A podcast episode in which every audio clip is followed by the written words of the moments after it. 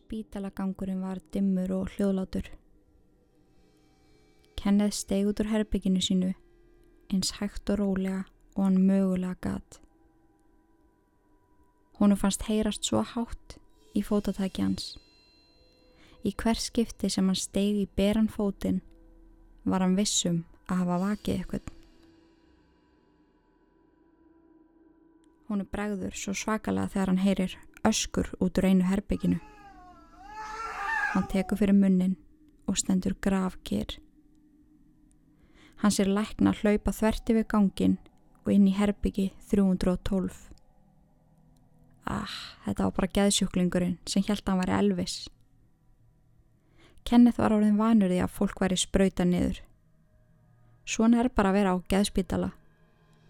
Ef þú streyttist á móti og reyndir að losa þig, varstu spröytaði niður. Hann hafi lendið í sjálfur, en nú að komið nóg af þessari döl.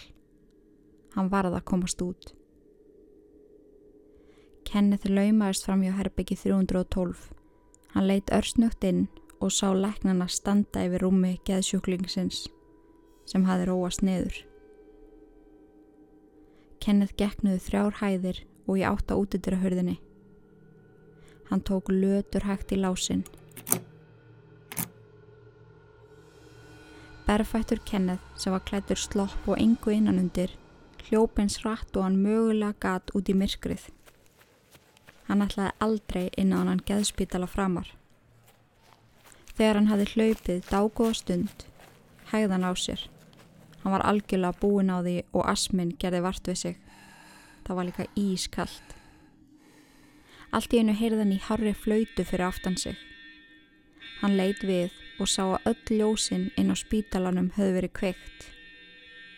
Ó nei, þeir höfðu fattað að hann hefði strókið.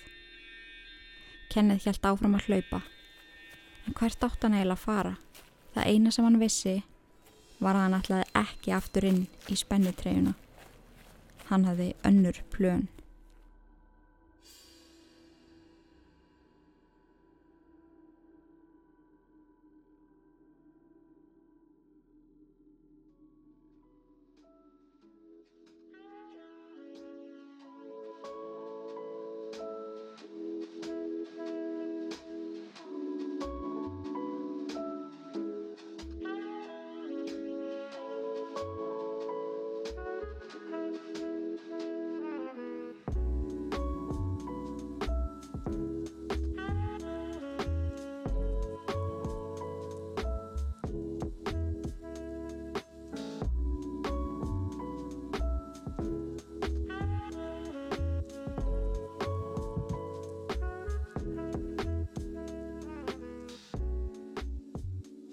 Komið sæl og verið hjartanlega velkomin.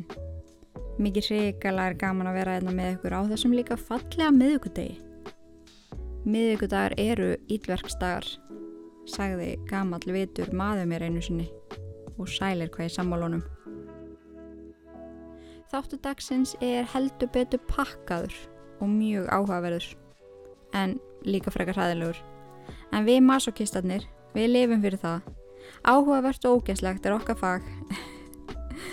en eins og ég saði ykkur í síðasta þætti þar sem ég tók fyrir kvarf og líf Stephen Steiner þá ætla ég að taka fyrir ykkur mál Kenneth Parnell sem var einmitt mann anskotin sem að rendi barninu.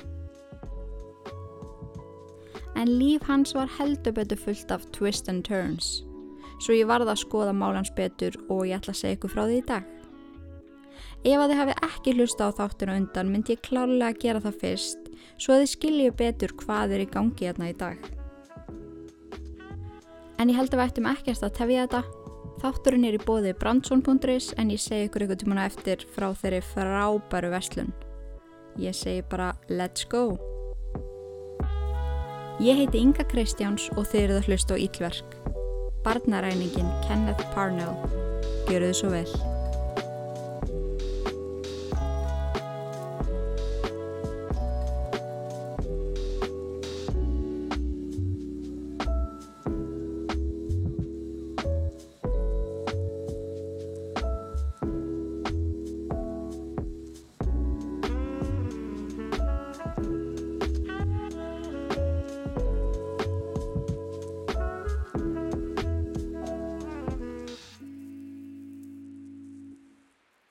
Kenneth Eugene Parnell fættist hann 27. september 1931 í Armillo, Texas.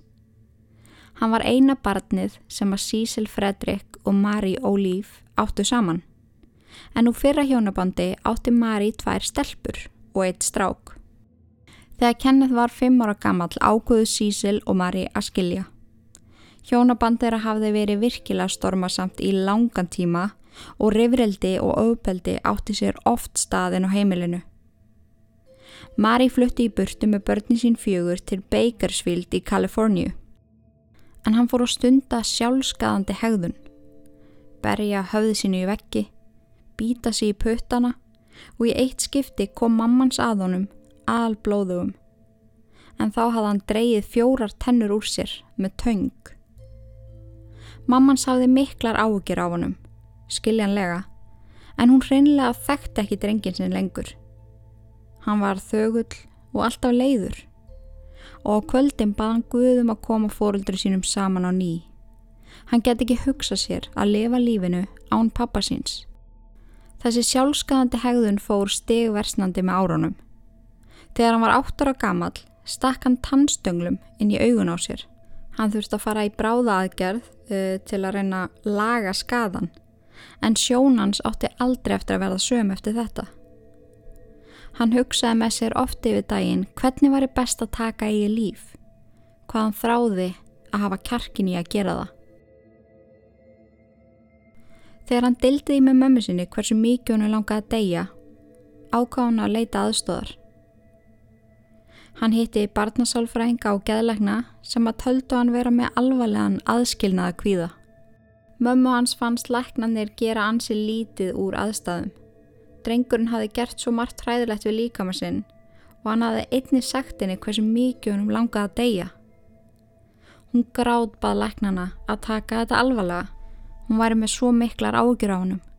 Fjöldin allur af samtalsmeðferðum voru framkvæmdar og Kenneth var gefin viðegandi lif. En hegðun hans virtist samt bara vestna. Í skólanum var gert stólpagrín á honum. Eftir að hafa skada í sér augun þurfti hann að ganga með þykk glerugu og það var mikið gert grín á honum fyrir það. Hann átti enga vini, talaði aldrei við neitt og eitti öllum sínum tíma að leitt. Annarkort reyndan að finna leiði til að skada sig eða hann satt og starði út um gluggan. Þegar hann var nýjóra gammal sapnaði hann saman spítudrasli og hendi í haug fyrir framann skemmu á landaregninni. Í spítunum voru gamle riðgæða naglar sem var stóðu beint upp úr þeim. Kenneth prílaði upp á skemmuþakkið og let sér svo falla ofan í spítuhaugin. Naglarnir stungust í hann, en mesti skaðin var á fótonum, þar sem þeir lendu fyrstir í haugnum. Kenneth fjekk alvarlega blóðeitrun frá riðguðnöklunum og þurfti að sauma um hundra spór aftan á lærans. Mömmans var aðlagt að sín honum bara eins mikla ást og umhyggju hún mögulega gat. Þetta væri bara tímabill og hann myndi á endanum gefast upp á þessu. Þetta væri rauninni bara að kalla á hjálp. Næstu tvö árin fóruð að renna upp fyrir Kenneth að hann væri meira fyrir stráka en stelpur. Húnum fannst margar stelpur alveg sætar en hann fann fyrir kynferðislegri örfun þegar að koma strákum. Hann gæti ekki hugsa sér að viðukjanna þetta fyrir neinum. Þótt hann væri skotin í strákum í skólanum, myndi hann aldrei nokkuð tíman segja nokkur manniða. Hann leta dögu að horfa þá, en lendi oft í vandraðlegum aðstæðum þegar holdi fór að rýsa inn í miðri kennslustofu eða íþróttatíma. Kenneth fekk þá hugdættu um 12 ára aldur að selja munmög. Þannig geta hann komist í burtu frá heimili sínu og kannski fengið útrás fyrir kynferðislegri spennu sinni. Hann gekk í gegnum undegöng og fór á þá staði þar sem hann vissi af byttum og eitulefjarneitundum og bauð upp á munmög gegn greiðslu. All margir tóku tilbúðinu og kláraðan mennina af í ímsum skúmaskotum. Nokkrir mannana urðu fastagestir byðu eftir kennið á ákveðnum dögum á ákveðnum tíma og greitt honum aðeins meiri upphæð til að gera vel við hann. Sumið þeirra vildu að hann kæmi með þeim heim og dveldi hjá þeim yfir nótt en Kenneth vissi að hann yrði að fara heim því annars þið mammans áhyggjufull. Þegar Kenneth var 13 ára gammal lendan í hræðilegri lífsreynslu. Hann var í makendum sínum að sinna sínum daglega business þegar einn fastakúnana rýfur hann inn í bíl til sín og nöðgar honum í aftursætinu. Hann hafði aldrei lett í þessu áður. Hinga til hafðu menninir klára sig af, borga honum og farið svo. Fyrir utan það hvað hann var hrættur var hann líka rosalega sár út í mannin. Hann hafði stunda viðskipti við hennan mann í yfir ár og hinga til alltaf geta treyst honum. Eftir þetta ákvað hann að segja mömmu sinni frá þessu. Ekkert neginn var þann að útskýra af hverju hann kom hágrátandi heim. Stuttu eftir hann saði mömmu sinni var Kenneth komið fyrir á geðdild þar sem hann dvaldi í nokkuð tíma. Það var ekkert neginn ekkert fundið að honum Hann var bara úlingur í uppreist. Hann var í leita samþyggi þar sem honum hafi fundist pappi sinn hafa yfirgifið sig. Duelans og geðdelt virtist ekki hafa gert nokkurt skapaðan hlut fyrir hann. Fljótlega eftir útskrift af geðspítalanum stal hann bíl og var honum ekið fljótlega heim til mömmu sinnar á lauruglu. Hún var gjörsulega ráðfróta. Hvað var eiginlega best að gera við hann? Hún hafði samband við kunningja sinn úr lauruglunni og var því komið í kring að hann erði sendur í nokkus konar sömabúðir fyrir unga afbrótumenn. Í búðunum ríkti herægi og hinn 14 ára gamli Kenneth fór eftir öllum reglum og fyldi planinu sem að fór fram yfir daginn. Ekkert bendi til þess að hann væri hættilegur umhverfinu. Hann fekk verðlun fyrir framúrskarandi hegðun eftir mánaða dvöl í búðunum. Mamman sem hafi heyrt góðar umsagnir svona síns vonaðist til að nú hefði hann snúið við blaðinu. En hann var mjög fljótlega handtekinn eftir heimkomu. Það var ringt á laurugluna upp úr miðnætti. Slettum tveim vikum eftir hann kom heim til Bakersfield og það var tilkynnt að tveir menn var að stunda kynlíf út í runna á frekar ofinberum stað. Annar mannana, ef að mann má kalla, var hinn 14 ára gamli Kenneth. Viku eftir þessa uppákomu stál hann svo afturbíl og var honum aftur ekki heim til móðu sinnar af lauruglu. Í þetta skipti þurfti mammans ekki að leita eftir því hann erði sendur í burtu. Heldur var hann dæmdur til að fara aftur í búðurnar fyrir unga afbrótamenn. Í þetta skipti ákvað Kenneth að strúka úr búðunum og eftir aðeins viku dvöl slapp hann í burtu og náði að vera í felum frá yfirvöldum í fjóra daga. Þar til að hann var greipinn. Húnu var þá komið fyrir í fangaklefa í fangelsi fyrir unga afbrótumenn. Akkurat staðurinn sem hann átti heima. En vegna þess hversu ungur hann var, var bundi mikla voni við að það var hægt að bjargunum og komunum á rétta braut. Kenneth var nefnilega mjög almennilegur og kurtið strákur sem blekti fangaverði og aðra starfsmenn fangelsisins. Fólk vorkendunum. Í fangelsinu reyndi Kenneth ítrekkað að taka eigi líf Hann reyndi að kirkja sig, rífa niður búningi sinn og hengja sig og henda sig fram úr rúmunu beint á höfuðuð. Á þessum tímapunkti var klóra sér í höfðinu yfir höfðun hans. Hvernig gata sig vennjulegi og almennilegi strákur átt svona ofsala bátt? Af hverju var hann sí afbrótamaður og af hverju reynda hann ítrekkað að taka sér degi líf? Það var talið best í stöðunni að hann erði sendur í annarsinn inn á gæðdelt þar sem hann fengi vonandi meðferðina sem hann þurfti og mögulega liv til að rétta af þennan brenglaða hugsunarhátt. Hann hins vegar slapp frá geðdelt eftir mánaða dvöl þar. Hann stál bíl og kerði aftur til Bakersfield og faldi sig hjá manni sem hann hafi reglulega hitt og stundað kynlíf með. Aðeins til að minna okkur á, þá er hann bara 14 áraðana sem er ótrúlegt að hugsa til. Hann fannst svo endanum og var sendur aftur inn á geðspítalan þar sem hann kláraði 90 daga meðferðina sína. Það var stramt eftirlit og hann hafður í daglegu prógrami. Geðleiknar sem að greindu hann fannst líklegt að hann væri mikið þunglindur með virkilega skerta sjálfsýmynd. Hann var brotinn drengur eftir að fadur hans yfirgafa hann og fannst geðleiknum líklegt að hann væri að leita að sínum tilgang, sínum sess í lífinu. Hann leitaði Karla því hann vantaði föðulega ímynd. Í rauninni mjög svipað og kom út úr fyrstu geðransókn. Þráttur þetta var ekki útvegað honum neyn viðunandi lif, néttali mikilvægt að halda honum áfram í meðferð. Eftir þessa 90 daga fór hann aftur til mömmu sinnar sem var nokkur nöginn búin að gefast upp á honum. Hann dvaldi á henni í nokkur ár, vann nokkra vinnur, slá garda og á bensinstöð en helst aldrei á sama vinnustanum lengur en í mánuð. Í kringum 1949 kynntist hann verðandi eiginkonu sinni, Patchy Joe.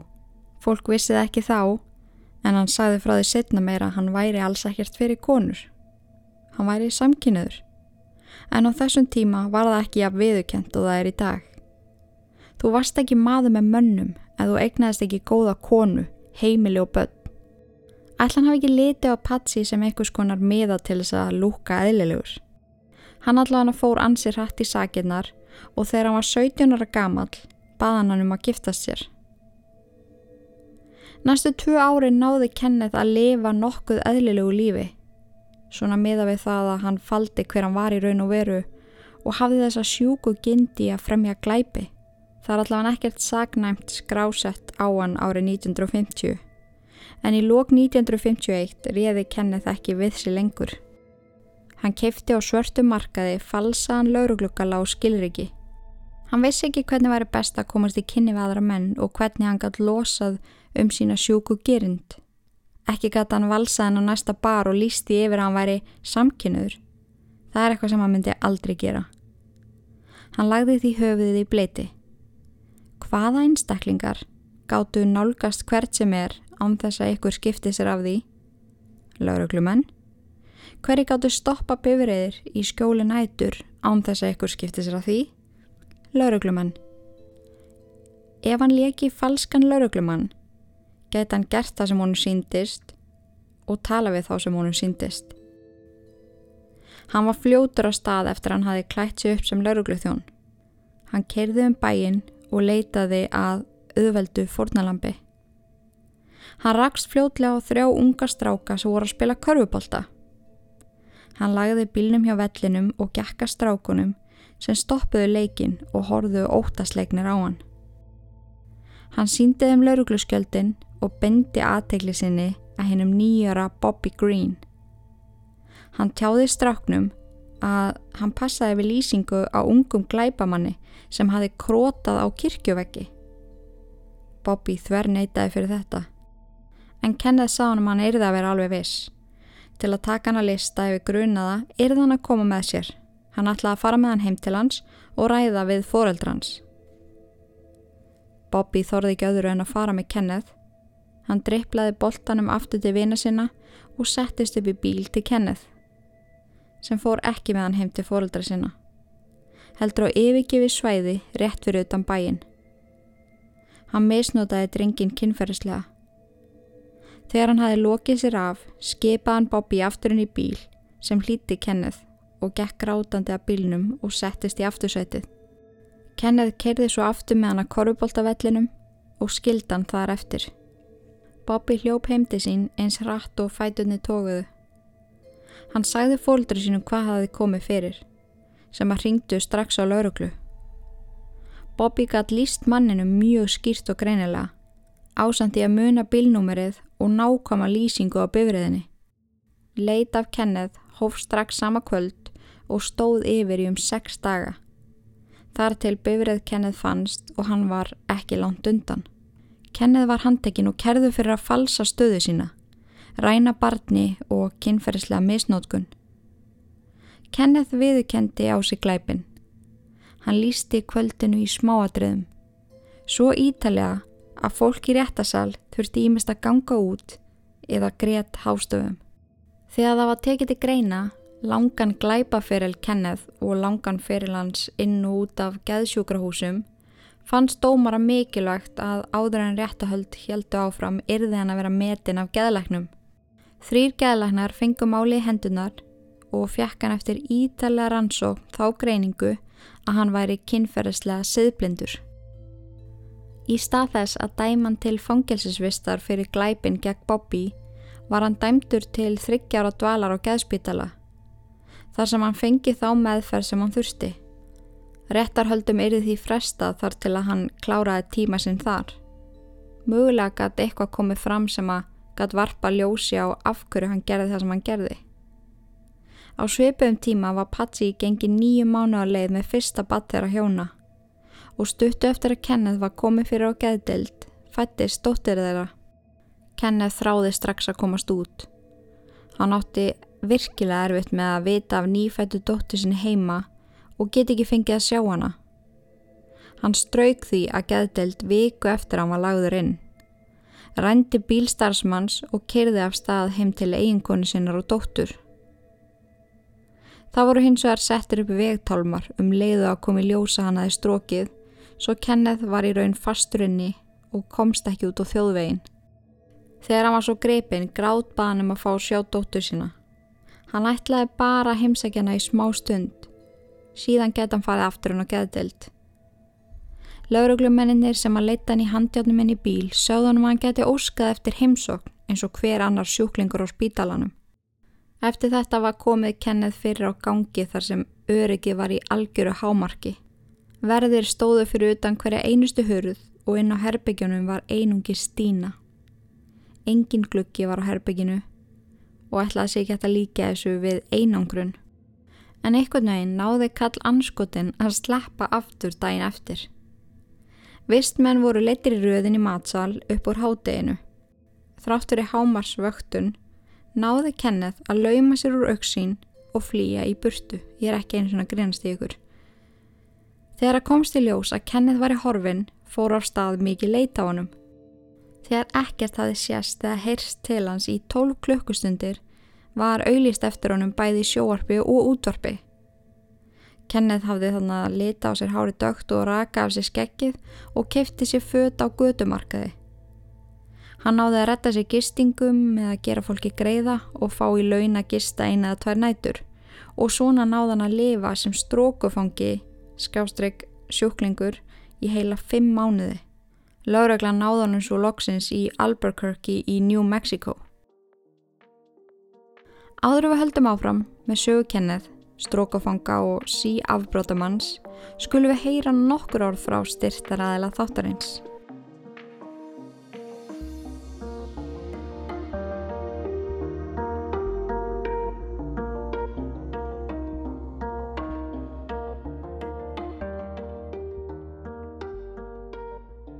Hæ, Inga hér.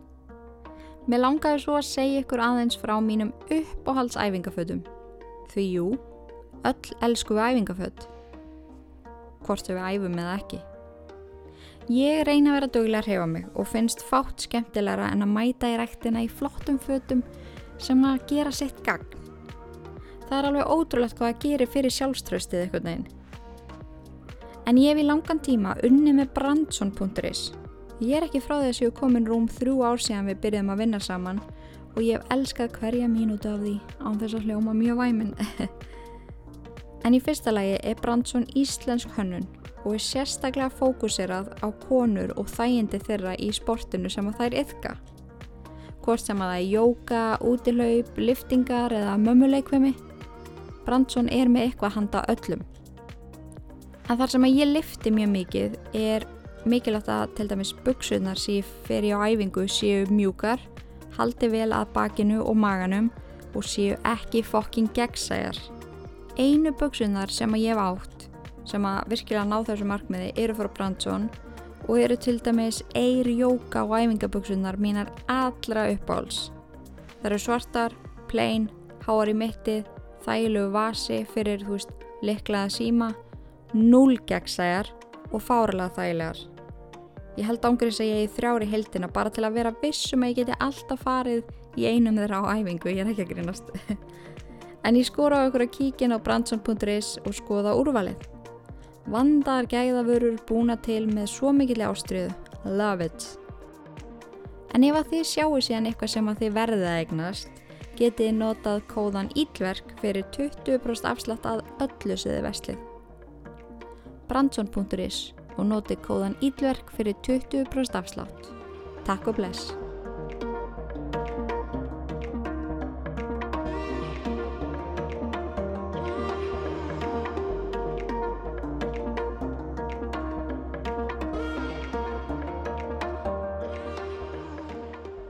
Velkomin tilbaka mín kæru mannsbörn. Hvert var ég komin? Hvert var ég komin? Ó, oh. Hvert var ég komin? Hvert var ég komin? Ok. uh, já, eftir að Kenneth náðist í Albuquerque var tekið þá ákverðun að senda hann ekki aftur á geðspítalan því hann væri ekki á neitt hátt að vinna með starfsfólkinu og í rauninni bara ekki að vinna með neinum. Hann sem fekk þannig skýtlétta dóm fyrir að hafa misnóta barn og verið sí afbrátamæður í öll þessi ár. Hann var greinlega ekki mikið veikari á geði en þetta að hann náði að hafa innbeittan brótavilja en hún var þannig að komi fyrir í fangelsi í Kalifornia þar sem hann átti að vera í minst fimm ár. Á meðan hann tæki út sinn dóm er þið ákveði hvað var best að gera með málans í framhaldinu. Hann átti enþá eftir að setja af sér fyrirdóm sem voru þrjú ára á geðsjógrósi þar sem hann yrði að gangast undir meðferðir. En á sama tíma var það einhvern veginn tilgangslust þar sem að hann reyndi annarkort að sleppa eða laug þegar hann satt anspæni skæðlagnum og sálfræðingum. Það er ansi erfitt að hjálpa manneski sem að vill ekki hjálpuna. Þegar það frettist í fangelsinu að hann hefði misnúta barn var Kenneth barinn hvað eftir annað. En barnanýingar eru ekki beint vinsælir inn í fangelsum og á tímabili þorði Kenneth ekki öðru en að setja bara allan daginn inn í klefanu sínum. Þegar fangaverðir urðu varir við meðferðina sem hann fjekk frá samfengum sínum var hann færðurinn á annan gang þar sem að einungis barnanýðinga voru hýstir en Kenneth myndaði þar nokkrar ógeðfeldar vináttur. Þá er ég að meina að þeir voru actually að ræða börn og voru mega að tengja þegar að koma þeirra glæpum sem er ógeðslegt. En Kenneth kláraði sín fimm ár árið 1956 og var hleyft út með því skilirði að hann heldi áfram í meðferð á geðspítala.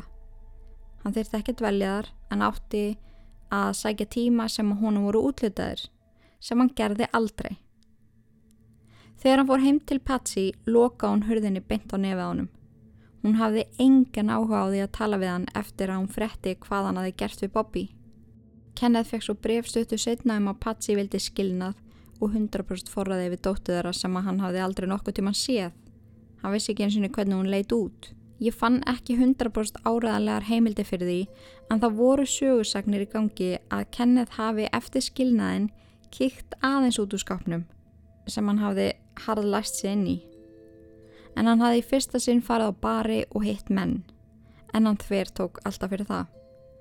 Í ágúst sama ár og hann skildi við Patsy kynntist hann Emmu sem var tíu árum yngre en hann. Þau deytuði í nokkra mánuði en þegar Emma komst að því hún var í ólétt ákveðuði að gifta sig. Í þetta skipti var Kenneth ákveðin í því að verða góðu pappi og verða til staðar fyrir bæði Emmu og barnið. Það tókaði samt alltaf í hann að ræna öðru barni.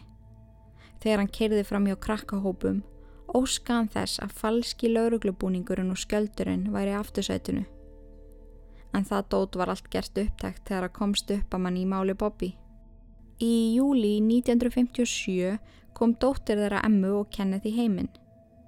Þau tóku og leiðu lítið hús og lifiði fjölskylda nokkuð eðlilegu lífi. Kenneth var á þessum tíma í þrejum vinnum til að láta dæmi gangu upp og Emma vann sem reytari á sjúgrás í bænum eftir að hún var búin í fæðingarólafi. Árið 1959, eftir nokkur eðlilega ár án glæpa og ílverka, sprakk Kenneth en hann hafði á þessum tímabúndi verið fjarlægur emmu í svolítinn tíma sem að skildi einhvern veginn ekki dýði hvað amaði að eigimann hennar.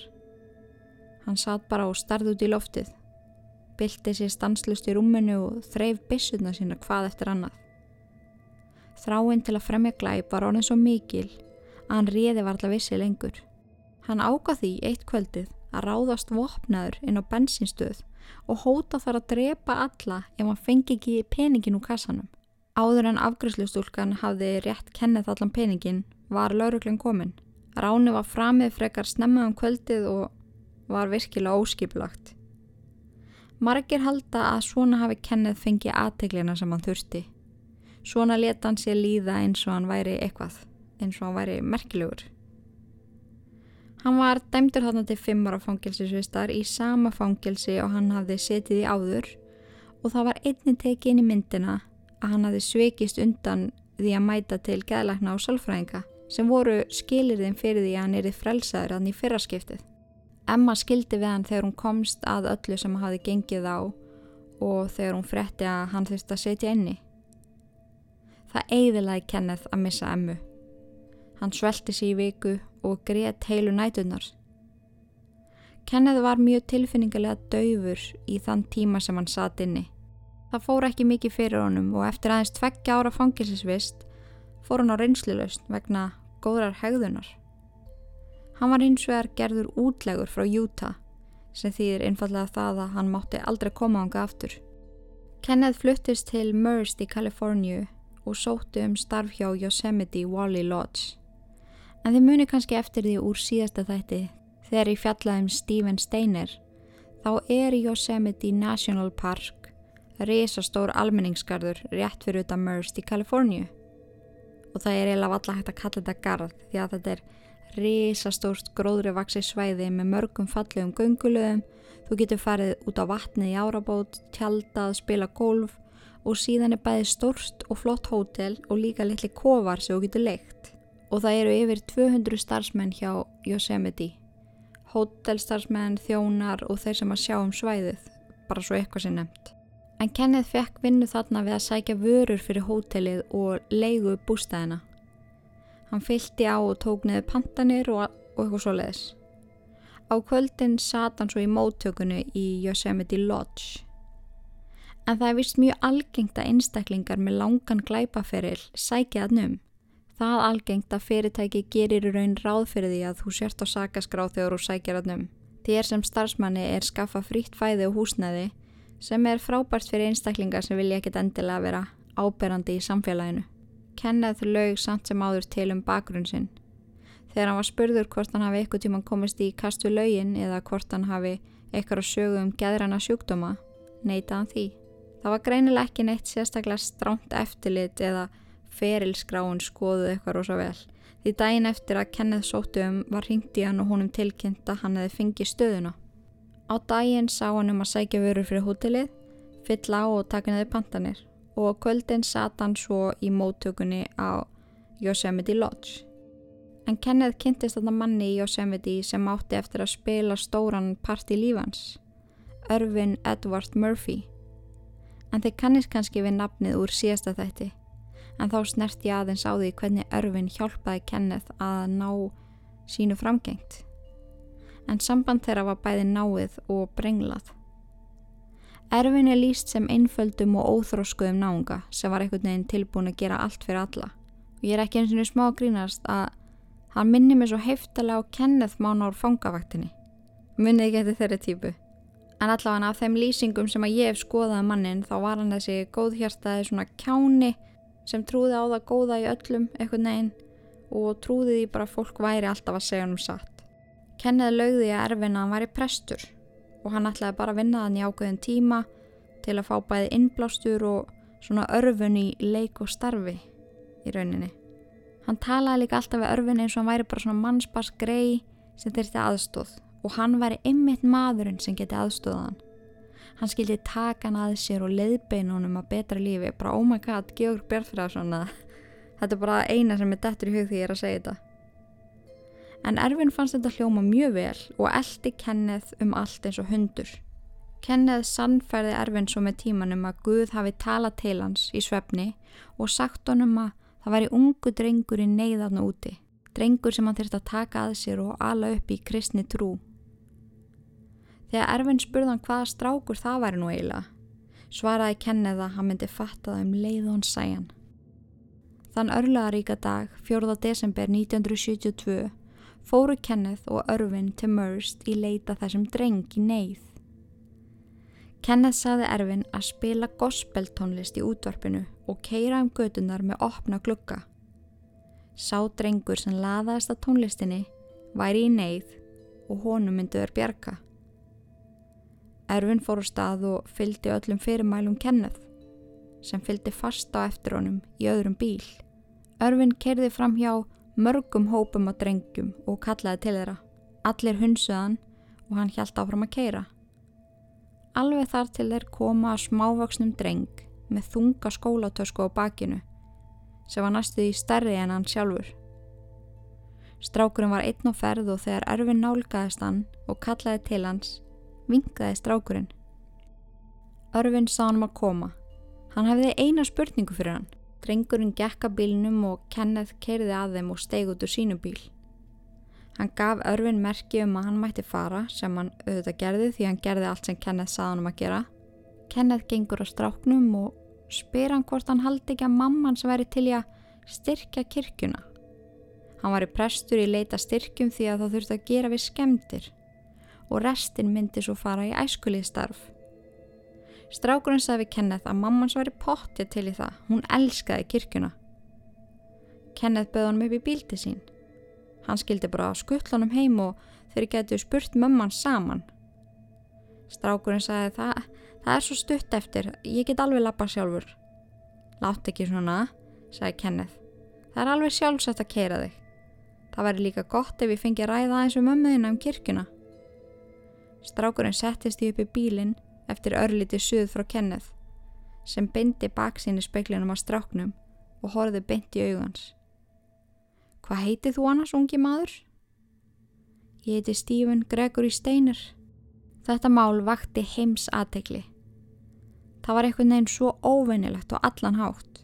Eftir að Kenneth rendi Stephen þennan dag, laugan því svo aðonum að hann að ætla hann því að fóreldra hans vildan ekki lengur. Stephen átt eftir að vera í haldi hjá hann í sjö ár.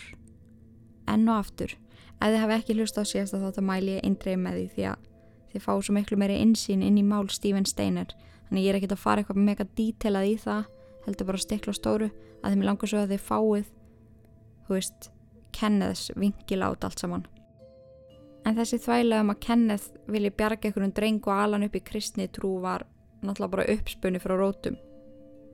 Þeir sem hafa skoða máli eftir á hafa greintan sem kynferðislega síðblindan mann með barnagind. Þið hafi potið oft heyrst orðið síðblinda eða psychopath. En sá geðræni kvilli getur komið fram á marga vegu. En í grunninn lýsir hegðun mannesku sem er með síðblindu sér þannig að þær geta logið, svikið og vafi fólkum fingu sér. Þessar týpur oft heitlandi og trúverðuar og í raun svífast einskis þegar það kemur að því að svala þeirra eigin þörfum. En ég var til dæmis að hlusta á nýjasta þáttin af Sönn Íslands sagamól. Það er bæða vegi komin sérija þrjúin á Storytel. Ekki auðlýsing, ég bara elska Sigurstein Másson. En hann til dæmis er að segja frá manni uh, í þessum þætti sem að sveik út úr gamalli konu peninga. Og hann hafði þekkt þess að konu lengi, hitlaði hann upp úr skónum, var henni alltaf góður og hún treyst honum. Og svo sveik hann af henni aðleguna lofaði öllu fóru uh, þegar komaði að borga hérna henni tilbaka en svo einhvern veginn stóð hann aldrei við þetta. Hann sá aldrei eftir að hafa gert þetta við konuna, heldur hjælt hann áfram að svíka gammalt fólk eftir að kona var dáin.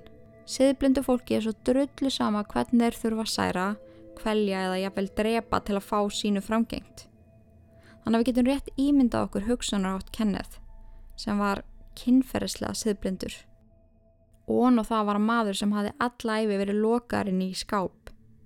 Hann hafi aldrei þórað að vera hann sjálfur. Líka ón og það búin að fara í gegnum tvö misefnuðu hjónabönd, setja margsinnis í fangelsi, einn og geðdelt, hann átti tvö börn sem hann mátti ekki hitta. Það var svo ógeðslega mikið í gangi og hún var bara einhvern veginn drullu saman með allt. Eina sem hann vildi var að uppfylla kynferðslega þrá sína sem voru ungi drengir. Þú veist, come on, maður sem að veist, hefur vott af ykkur að sjá eftir hlutum myndi aldrei gera allt sem hann gerði. Hann bara veist, ítrekað framdann glæpi strauk af geðdelt, strauk úr fóngelsi það er engin viljastyrkur til að verða betri og það er mjög augljóst. Og maður spyr sér líka af hverju rændan ekki freka fullónum mönnum?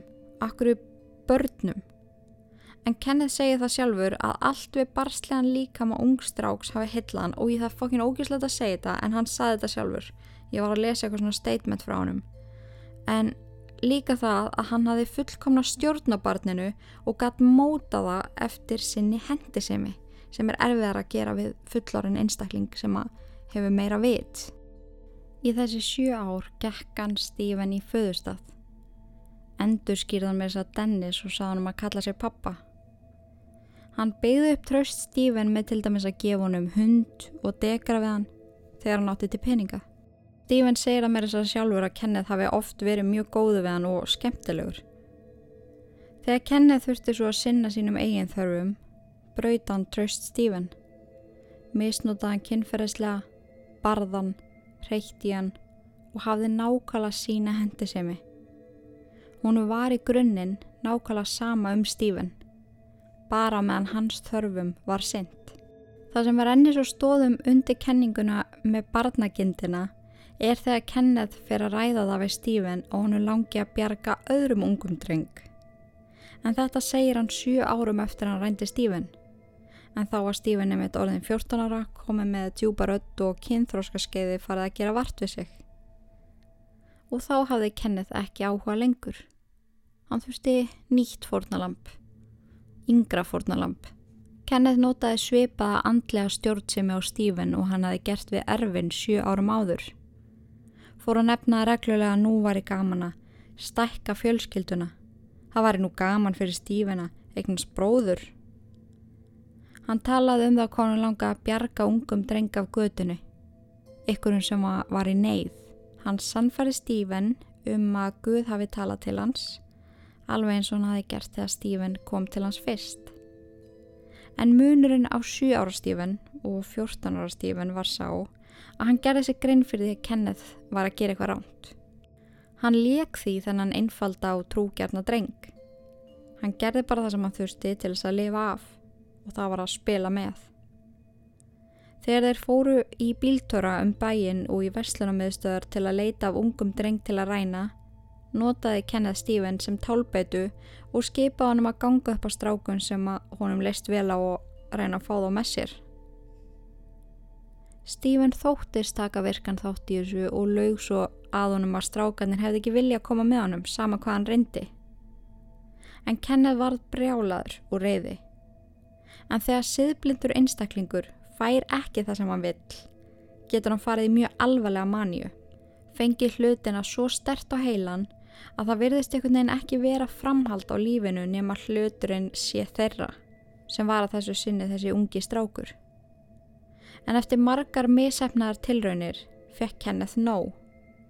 Stephen náði ekki að færa honum það sem hann þurfti, svo hann hent honum bara til hliðar eins og skítuðu sokkapari. Hann þurfti hann ekki lengur.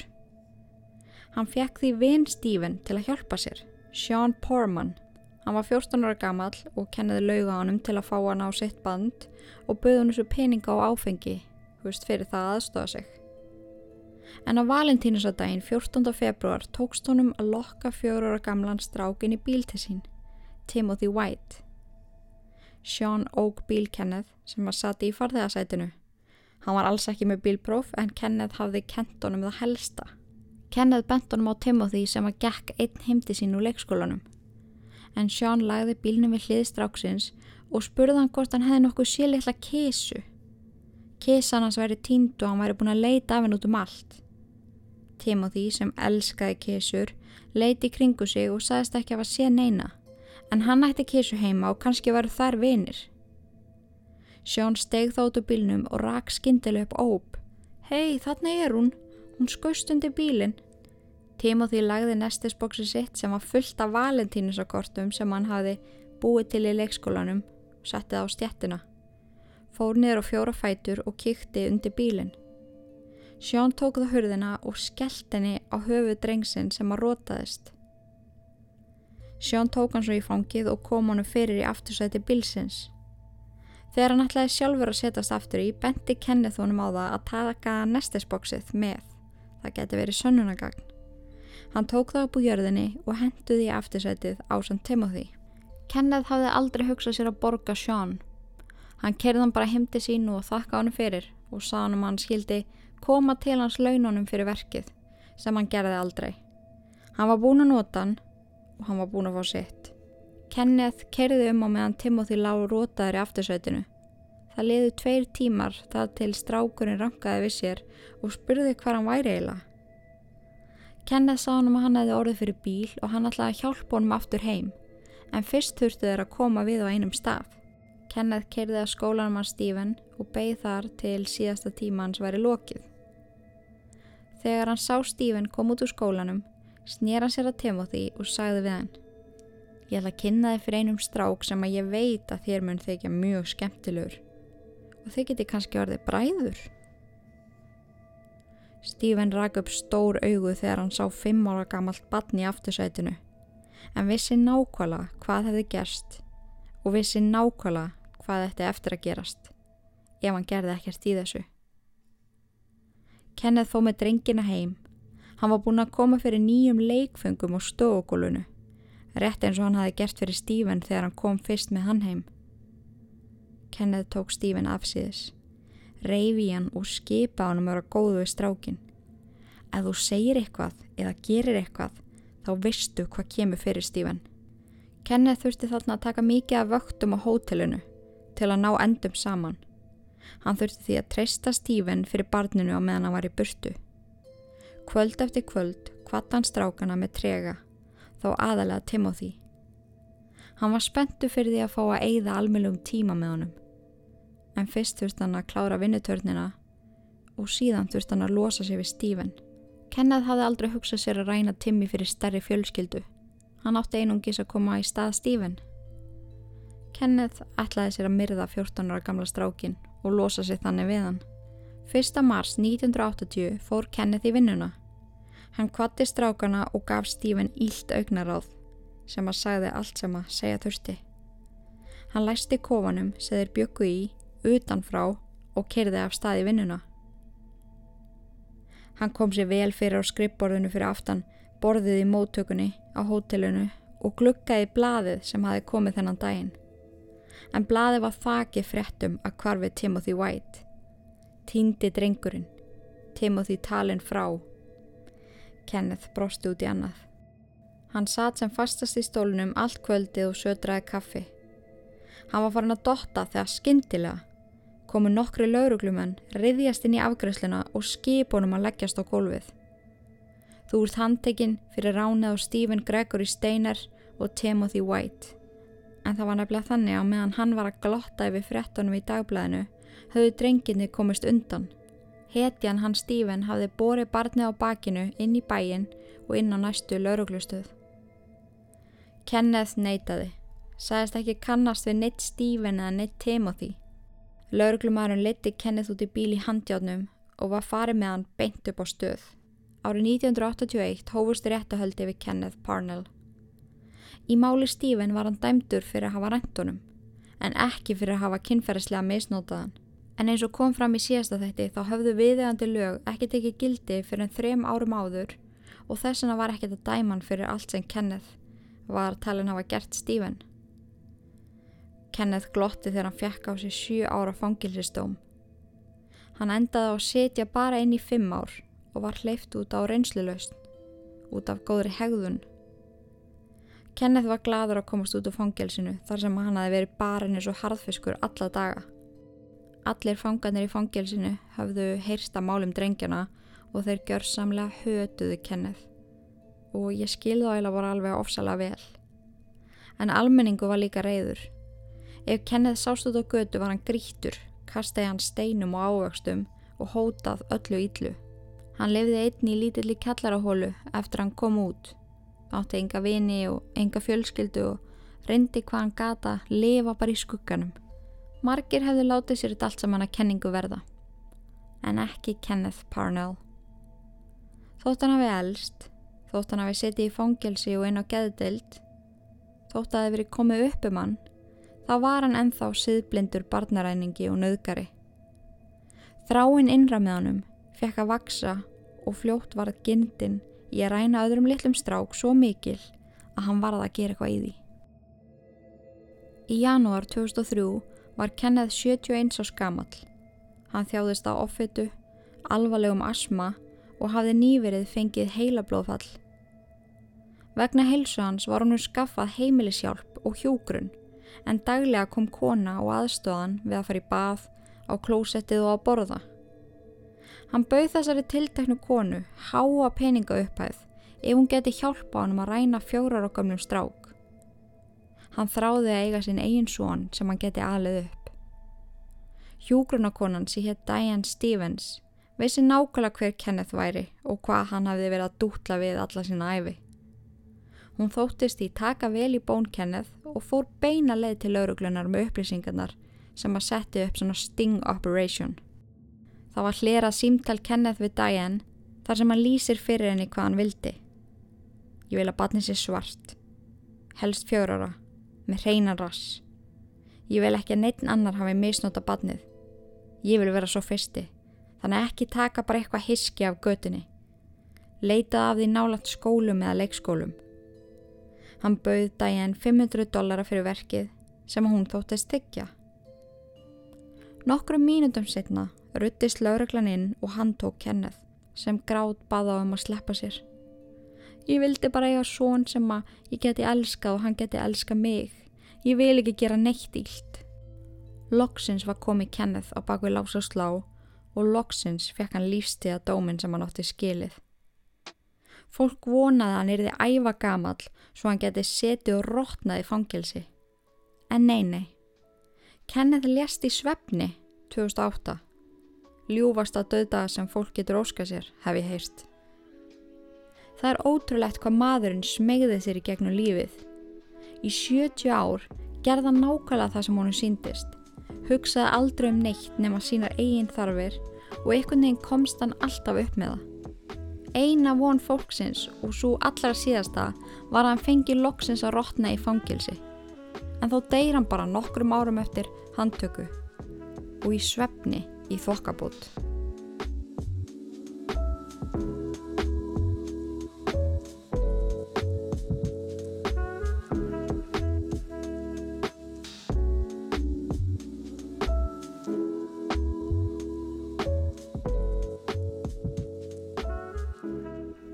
En þetta var mál Kenneth Parnell sem er þekktastur fyrir að hafa rænt Stephen Steiner.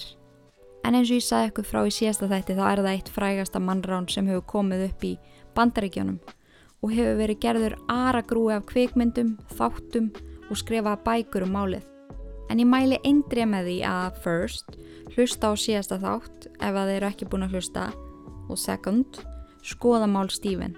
Það er mjög áhugavert. Hvaðan var einhvern veginn ótrúlega óheppin í lífinu í sínu alltaf stutta lífi í þokkabót. Á meðan Kenneth komst einhvern veginn upp með allt. Og það er rauninni óþúlandi að hugsa út í það. En mér langar líka að spurja ykkur svona einu í lokin. Ég mun setja svona spurningabóks á Instagram svo að þið getið sendt mér. En mér langar allavega að leggja þetta fyrir ykkur núna. Og þið getið kannski spáðið í því. En haldið að það sé ykkur siðblindur í ykkar lífi þótt það sé kannski ekki svona ræðilegt eins og siðblind að kennið þá er hægt að vera vægur siðblindingi segjum að það, siðblindingi. Ég er allavega ekki frá því að ég þekki einn eða tvo sem er smá creepy að spá í.